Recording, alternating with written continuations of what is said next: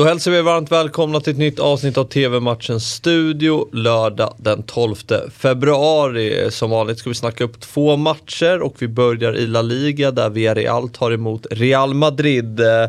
Det är ju två lag som um, kliver in i Champions League-spelet uh, nästa vecka. Uh, för Real väntar ju PSG på tisdag. Uh, för Villarreal väntar Juventus.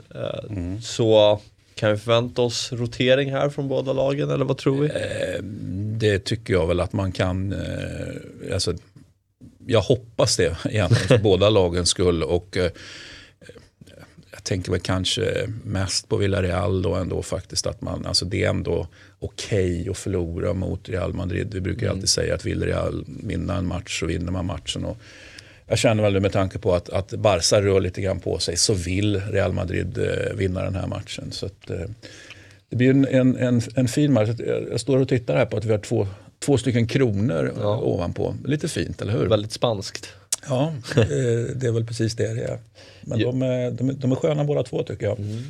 Men jag tänker Villarreal, de hade ju en ganska motig start på säsongen, eh, var lite upp och ner i resultaten men från december årsskiftet så har man ju börjat steppa upp och mm. spelat allt bättre och fått med sig resultaten. Så. Och då är ju det en självklar analys där, och jag säger inte att det är den enda analysen, men en självklar analys är ju att det kostade på att spela i Europa, mm, mm. i Champions League. Ja, såklart. Eh, alltså, och det gav resultat där. Var det lite, och det gav resultat där eh, och det var ett mer negativt negativt resultat så att säga i ligaspelet. Men nu, så, nu är det mer att allting i Europa är bara bonus. Eh, och man har gjort det jättefint. Liksom. Så att, eh, ja, ett argument för att man ska kunna spela mer avslappnat då kanske.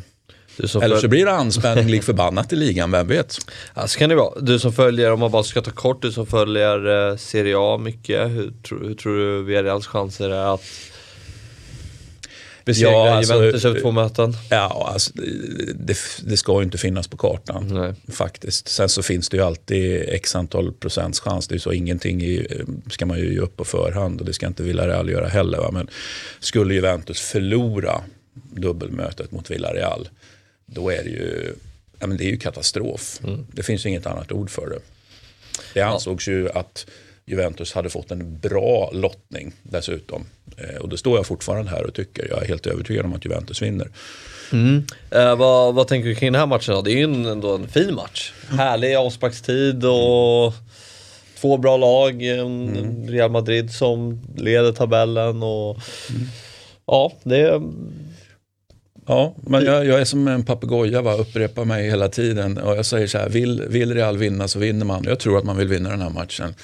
Och då gör man det? Eh, och då gör man det. Så att det är borta seger som gäller här. Inte nödvändigtvis med stor marginal utan eh, ett lite småtrött Real ser till att man vinner ändå i slutändan med, varför inte ett eh, sent 1-0 mål. Mm. Kanske inte tilläggstid men, men liksom lite sent ändå. Eh, 16-15 startar matchen och ni ser den på Simor Fotboll. Eh, nu till toppmötet i Serie A där Napoli tar emot Inter. Om vi börjar med gästerna så ja, vad ska man säga om eh, förlusten i derbyt mot Milan? Snöpligt, slarvigt eller vilket ord eh, ska man använda kring? Ja, alltså snöpligt tycker jag inte.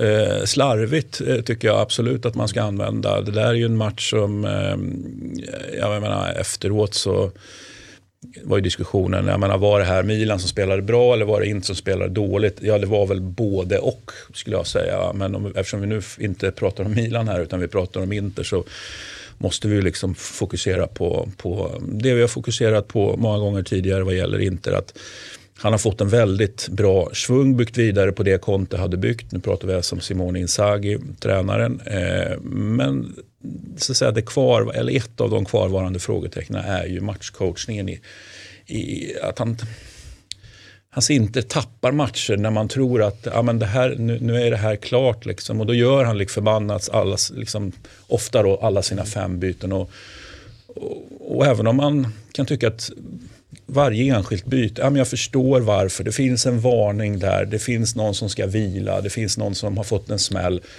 Jag kan förstå, och vi ska generalisera, jag kan förstå varje enskilt byte. Det finns en logik bakom bytena. Men det slutar ju alldeles för ofta med att eh, Simone Inzaghi liksom på något sätt tappar matcher, tappar initiativet i matcher. Då, eftersom vi pratar om när man börjar byta så är det ju liksom djupt ner andra halvlek vi pratar om. Och, och det, I min värld så måste Simone Inzaghi rätta till det. Eh, alltså han är en jättefin tränare men för att han ska vara en fantastisk Världs. tränare, världstränare, så då, då, har inte han råd med det. Han har, han har inte råd att hålla på så i ligan. Nu kanske han har det för att han har så att säga, överlägset bästa laget, så uppfattar jag det den här säsongen. Men han har absolut inte råd att hålla på så i Europa. Nej. Eh, då, då, då, blir du ju straffad. Liksom. Det, det hela är... Jag säger inte att det är märkligt, men, men det drar åt det märkliga hållet i alla fall. Sen är det ju inte så konstigt att en tränare kan ju inte ha alla strängar på sig. Nej, så är det ju. Du är jätteduktig på det, inte riktigt lika bra på det. Men just där inte riktigt lika bra på det, matchcoachningen. Eh, det, det, det, det, ställer till det för Inter. Och eh, för eh, Inter väntar det ju Spännande Champions League-match mot Liverpool. Lite för spännande. Ja, lite för spännande. Hur tror du att Simone Inzaghi resonerar här med Ja, du menar rotering och grejer. Ja. ja. det är en jättebra fråga. Det är inte så att han kan vila på hanen nu. Han hade ju kunnat möjligtvis vara lite mer avslappnad och mm. tänka sig att krysset är, är okej okay liksom. Om han hade vunnit derbyt mot Milan, men nu gjorde han ju inte det. Nej. Så tycker jag ändå att det kräver en viss, eh, inte så mycket rotering som det hade blivit om det hade varit tvärtom.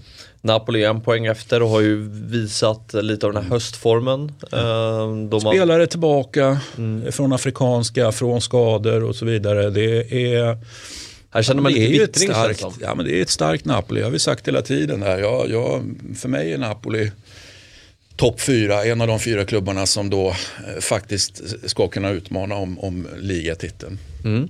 Spännande, men du det, tror ändå på Inter i slutändan? Eller? Ja, det gör jag.